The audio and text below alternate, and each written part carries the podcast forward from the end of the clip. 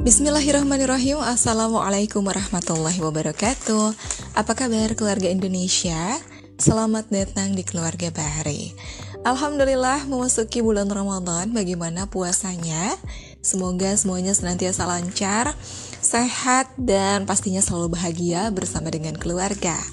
Kali ini masih di segmen book review.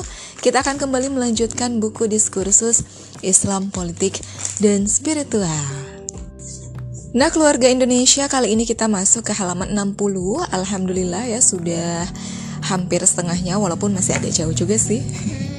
Ya, di halaman 60 ini kita sudah sampai di membacakan ayat Quran Surah Al-Baqarah. Uh, Quran Surah Al-Baqarah ayat 31 sampai 33 begitu ya.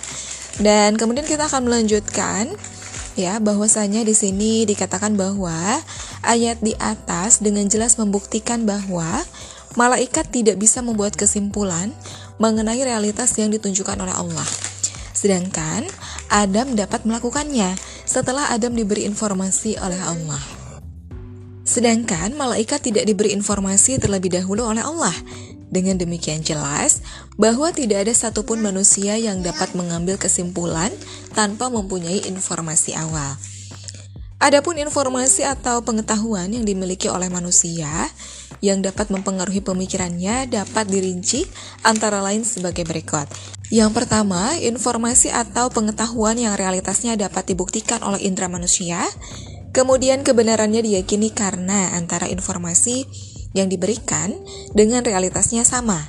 Misalnya, informasi bahwa Al-Quran adalah firman Allah dan bukan pernyataan manusia biasa. Diyakini setelah dibuktikan bahwa susunan bahasanya tidak dapat dikalahkan oleh susunan bahasa manusia. Akhirnya, informasi bahwa Al-Quran adalah firman Allah tersebut diyakini karena realitasnya memang demikian. Jenis informasi ini juga meliputi informasi mengenai surga, neraka, malaikat, jin, dan syaitan. Meskipun realitas informasi yang terakhir ini tidak dapat dibuktikan secara langsung, tetapi pembuktian Al-Quran yang tidak mungkin dusta telah cukup untuk membuktikan kebenaran informasi ini. Yang kedua, informasi atau pengetahuan yang realitasnya dapat dibuktikan oleh indera manusia dan diyakini. Namun, keyakinan kepadanya tidak sampai pada tingkat hakul yakin seperti informasi-informasi syar'i yang digali dari dalil-dalil syara, baik yang berkaitan dengan hukum syara, kaidah syara maupun definisi syara. Dalam hal ini termasuk informasi tentang akidah yang disampaikan oleh hadis ahad, informasi kesejarahan dan bahasa. Yang ketiga, informasi atau pengetahuan yang realitasnya tidak dapat dibuktikan oleh indera manusia atau tidak dapat dibuktikan sesuai dan tidaknya dengan realitasnya. Tetapi, keberadaan realitas informasi tersebut tidak dapat ditolak oleh akal. Informasi ini sejenis konsep, yaitu kesimpulan mengenai realitas tertentu, tetapi tidak sampai dibenarkan dengan bulat. Karena kebenaran dan ketidakbenarannya sama saja. Informasi seperti ini banyak, antara lain informasi sejarah secara umum, informasi geografis, dan astronomis. Informasi tersebut akan menjadi mafhum ketika realitasnya telah berhasil dibuktikan oleh indera manusia, di mana informasi tersebut memang sesuai dengan realitasnya atau setelah adanya dalil yang telah membuktikannya, baik hisi maupun nakli yang kebenarannya diyakini dengan pasti. Yang keempat, informasi atau pengetahuan yang realitasnya tidak dapat diindra oleh indera manusia karena tidak sesuai dengan realitas yang digambarkan dalam informasi tersebut. Informasi seperti ini hanya akan menjadi pengetahuan yang tersimpan dalam otak, tetapi tidak dapat digunakan untuk mengambil kesimpulan dan tidak dapat dijadikan sebagai pemikiran atau mafhum. Contohnya, informasi tentang kapitalisme, liberalisme, demokrasi, sosialisme, dan informasi-informasi lain.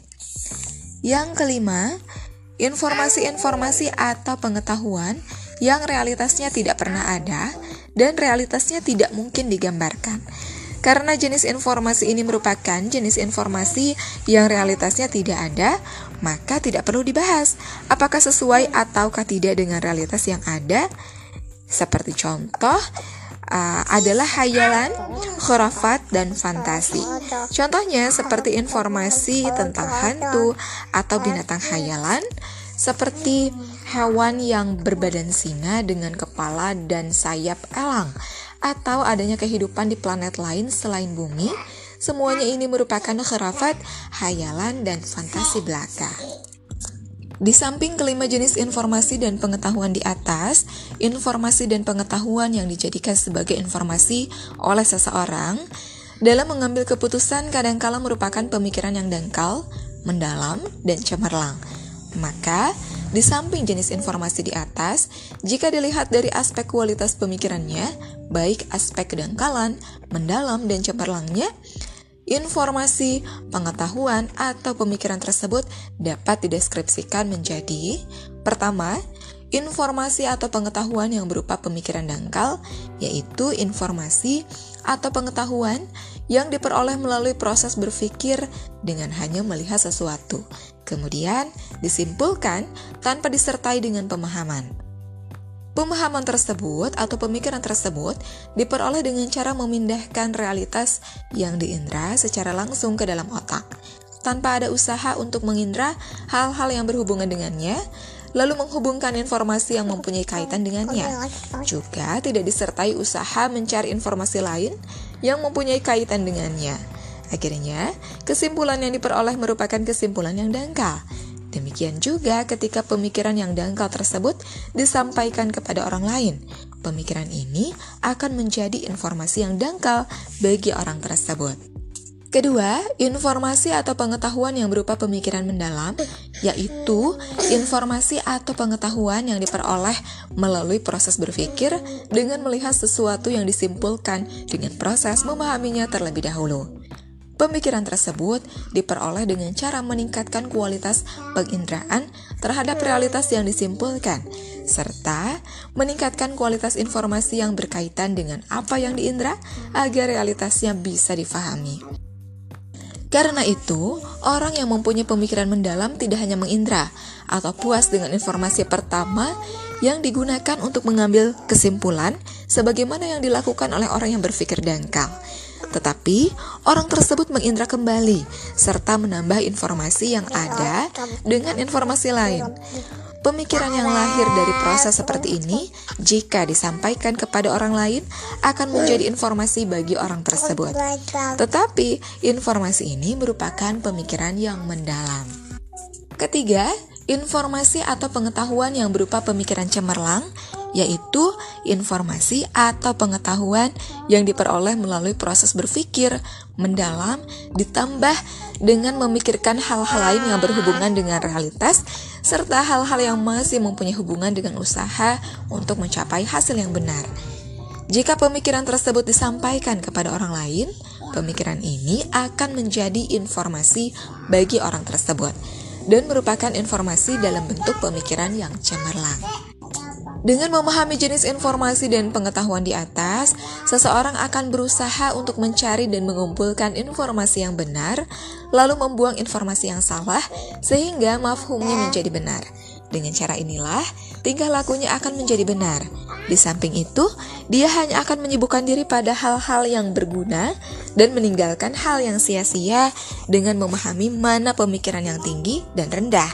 Akhirnya, dia mampu mengubah dirinya masyarakat, serta keadaan yang ada di sekelilingnya dari berpengetahuan rendah menjadi tinggi dan cemerlang, sehingga bisa bangkit dan menjadi manusia, masyarakat, dan umat yang maju dan mulia. Nah, keluarga Indonesia sampai situ dulu ya untuk book review hari ini.